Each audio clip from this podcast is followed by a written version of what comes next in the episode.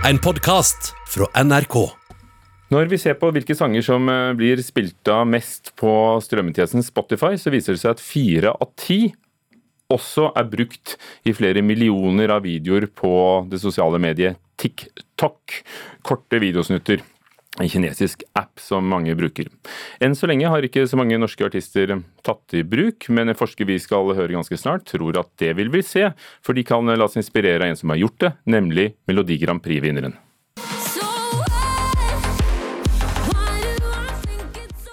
Jeg føler at TikTok er det nye, den nye måten å på en måte connecte med fansen da, og snakke med fansen og gjøre ting med fansen på en annen måte. Det sier Ulrikke Brandstorp. I det siste har hun laget koreografier til egne sanger på TikTok. I en kort video på det sosiale mediet danser hun til en remix av sangen hun vant Melodi Grand Prix med. Nesten 3000 videoer er lagt ut med den samme sangen. Det er jo helt sykt å se at folk blir med, og så er de så flinke. Brandstorp er foreløpig en av få norske artister som har tatt i bruk TikTok til å spre musikken sin. Ifølge forsker Anja Nylund Hagen ved Institutt for musikkvitenskap ved Universitetet i Oslo. Antar at det er noe vi kommer til å se mer til i tiden framover. Blant de mest populære sangene på Spotifys Global Top 50-liste finner man bl.a. denne sangen. Og denne sangen. De er begge på topp ti, og de er begge brukt i flere millioner videoer på TikTok. Men hva som skal til for at en sang går viralt, det er ennå litt uforutsigbart, ifølge forsker Hagen. Fordi publikum, eller brukerne selv, har såpass stor betydning for hvordan noe sprer seg. Men det finnes eksempler på at det har klaffet. For eksempel for denne mannen. Drake sin sang 'Tussie Slide' ble sluppet i april.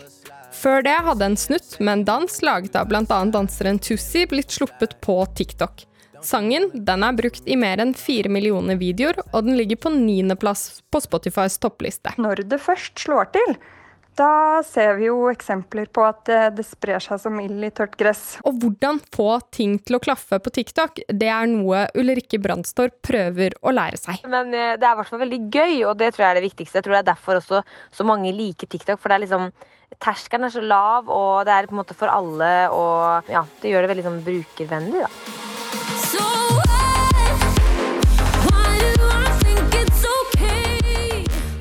Reporter her var Maiken eh, Svendsen. Og når det gjelder TikTok, så det så har det jo skjedd det i løpet av natten at India har forbudt både TikTok, og det er ganske alvorlig for dem, fordi en tredjedel av nedlastningene på TikTok skjer i India, og 58 andre kinesiske mobiltelefonapper, og det har de gjort som en del av grensekonflikten med Kina. Vel, det blir ikke sagt, men det er det alle kommentatorene tror, at eh, det er en måte å slå tilbake på. 20 indiske grensesoldater har ifølge The Economist eh, som har dette tallet dødd i denne konflikten.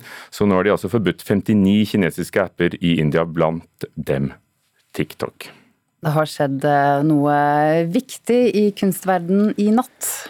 Et av verdens største verker i samtidskunsten, eh, og ikke minst kanskje et av de største et, på et norsk museum, er blitt solgt. Det har gått under hammeren for en høy sum, 84,6 millioner dollar. Vi snakker om bildet av Francis Bacon, som inntil nylig hang på Astrup Fearnley-museet i Oslo. Kulturreporter Emily Louise Milan Eide, fortell historien. Ja, eh, det er jo eh, Astrup Fearnley-museet sitt tryptikk inspirert av orestien Aiskulos, som ble solgt for 818 millioner kroner på auksjon i natt. Eh, det ble solgt etter en bukamp på ti minutter. og Auksjonen ble holdt i et tomt auksjonslokale i London, med folk som fylte med over internett fra hele verden. Dette her melder New York Times. Prisantydninga på 60 millioner var på 60 millioner, men måleriet gikk altså for 84,6 millioner dollar. Og det er jo omtrent 830 millioner kroner. Eh, det er mer enn hva Petter Olsen da fikk da han solgte Skrik i 2012 i kroner, men så var kronekursen nesten halvparten, for det gikk da med salær den gangen på 120 millioner dollar Skrik. Men nå altså 84,6 millioner dollar på Sotheby's eh, digitale utgave av en aksjon. Dette har hengt eh, i samlingen siden tidlig 80-tall. Hans Rasmus Fearnley, som har bygd opp samlingen fra 70-tallet, eh, sikret seg det da det var helt nytt. Og hvorfor selger museet dette verket nå? Ja, Bjørn Rønneberg sa i mars at et sal vil gi dem større økonomiske ressurser, som vil gjøre det lettere å stå i den usikre verden rundt dem. Denne krisen eh, som vi har vært gjennom nå pga. virusepidemien har gått hardt utover kulturlivet. Og det siste er at Cirque du Soleil fra Canada søker om konkursbeskyttelse. Ja, eh, Cirque du Soleil eh, gikk ut i går og sa at 3480 ansatte mista jobben, og at de søker om konkurspenger for å overleve koronakrisa. Det skriver NTB. Det canadiske sirkuset har vært hardt rammet av koronautbruddet. Som en konsekvens av korona har de avlyst turneer og forestillinger flere steder i verden. Og på toppen av det hele har de gjeld på mer enn 9,7 milliarder kroner.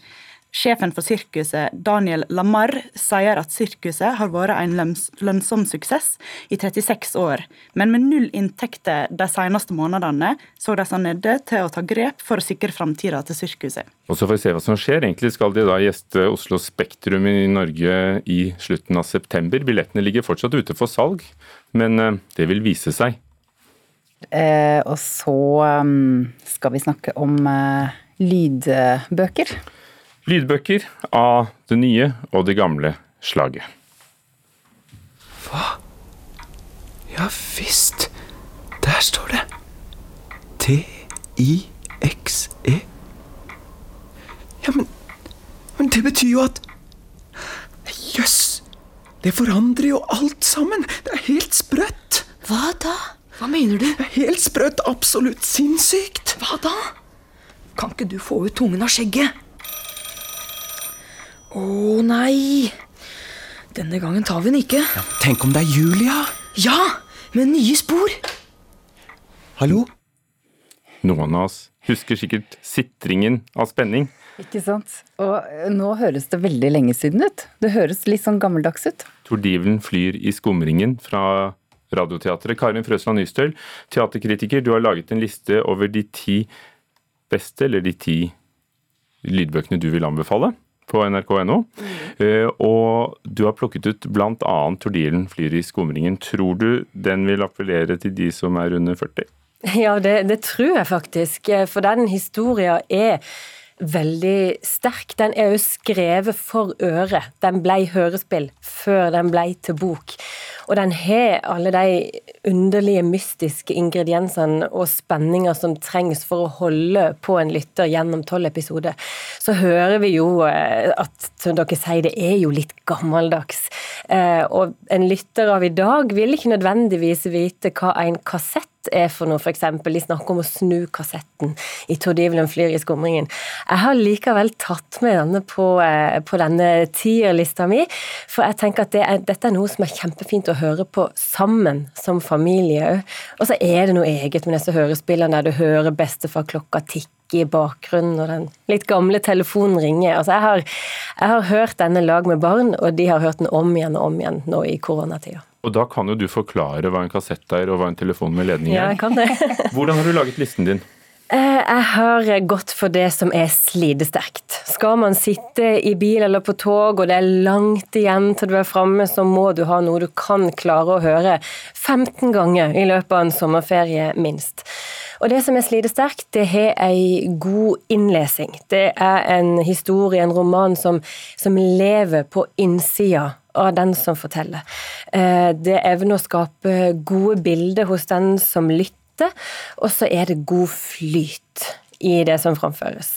Så har jeg jo gått for eh, lydbøker og hørespill som ikke nødvendigvis topper strømmelistene, og det tenker jeg er et poeng, for, det, for det finner en alltid fram til.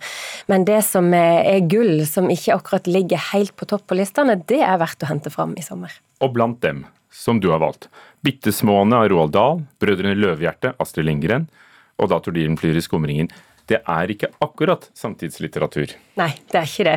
I hvert fall ikke hvis en skal tenke samtidslitteratur som skrevet de siste 15 år. Det er det som ligger i ordet, ja. Det er det. Det er den definisjonen som er vanligst å bruke. Der er òg nye ting på lista mi også. Men Og der er òg skrevet masse gode norske romaner de siste årene. Det som overraska meg når jeg hadde min lytterunde nå, det er at innlesingene er veldig varierende.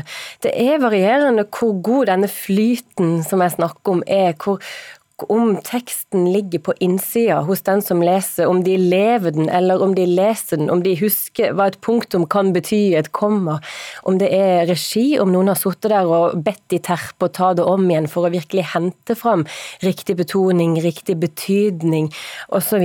for at teksten skal løftes når den blir lest opp.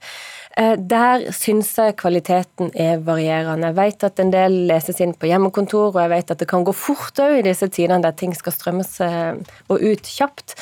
Derfor har jeg valgt det slitesterke. Og noe av det er litt gammelt. Krever det et abonnement for å høre dette? Det som er på lista, nja. du kan høre det hvis du har abonnement på strømmetjeneste, og det er det enkleste. Lydfiler kan òg kjøpes enkeltvis, men en del av det fins på CD hvis man har CD-spiller i bibliotekene. Og e-lydbøker er lettere å få tak i etter at regjeringa bevilger flere midler til det. Så det, der finner man en del.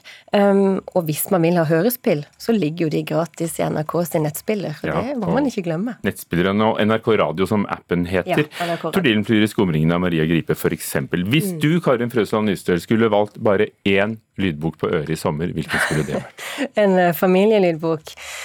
Da går jeg for uh, Harry og Ivar finne opp kruttet av Lars Mæhle.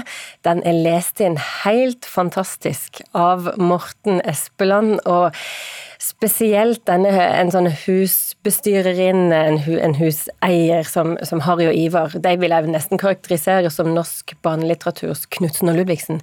Når hun kommer, da blir det alltid fest i bilen hos meg. Hele listen din finner vi på nrk.no anmeldelser. Takk skal du ha. Du har hørt en podkast fra NRK. Hør flere podkaster og din favorittkanal i appen NRK Radio.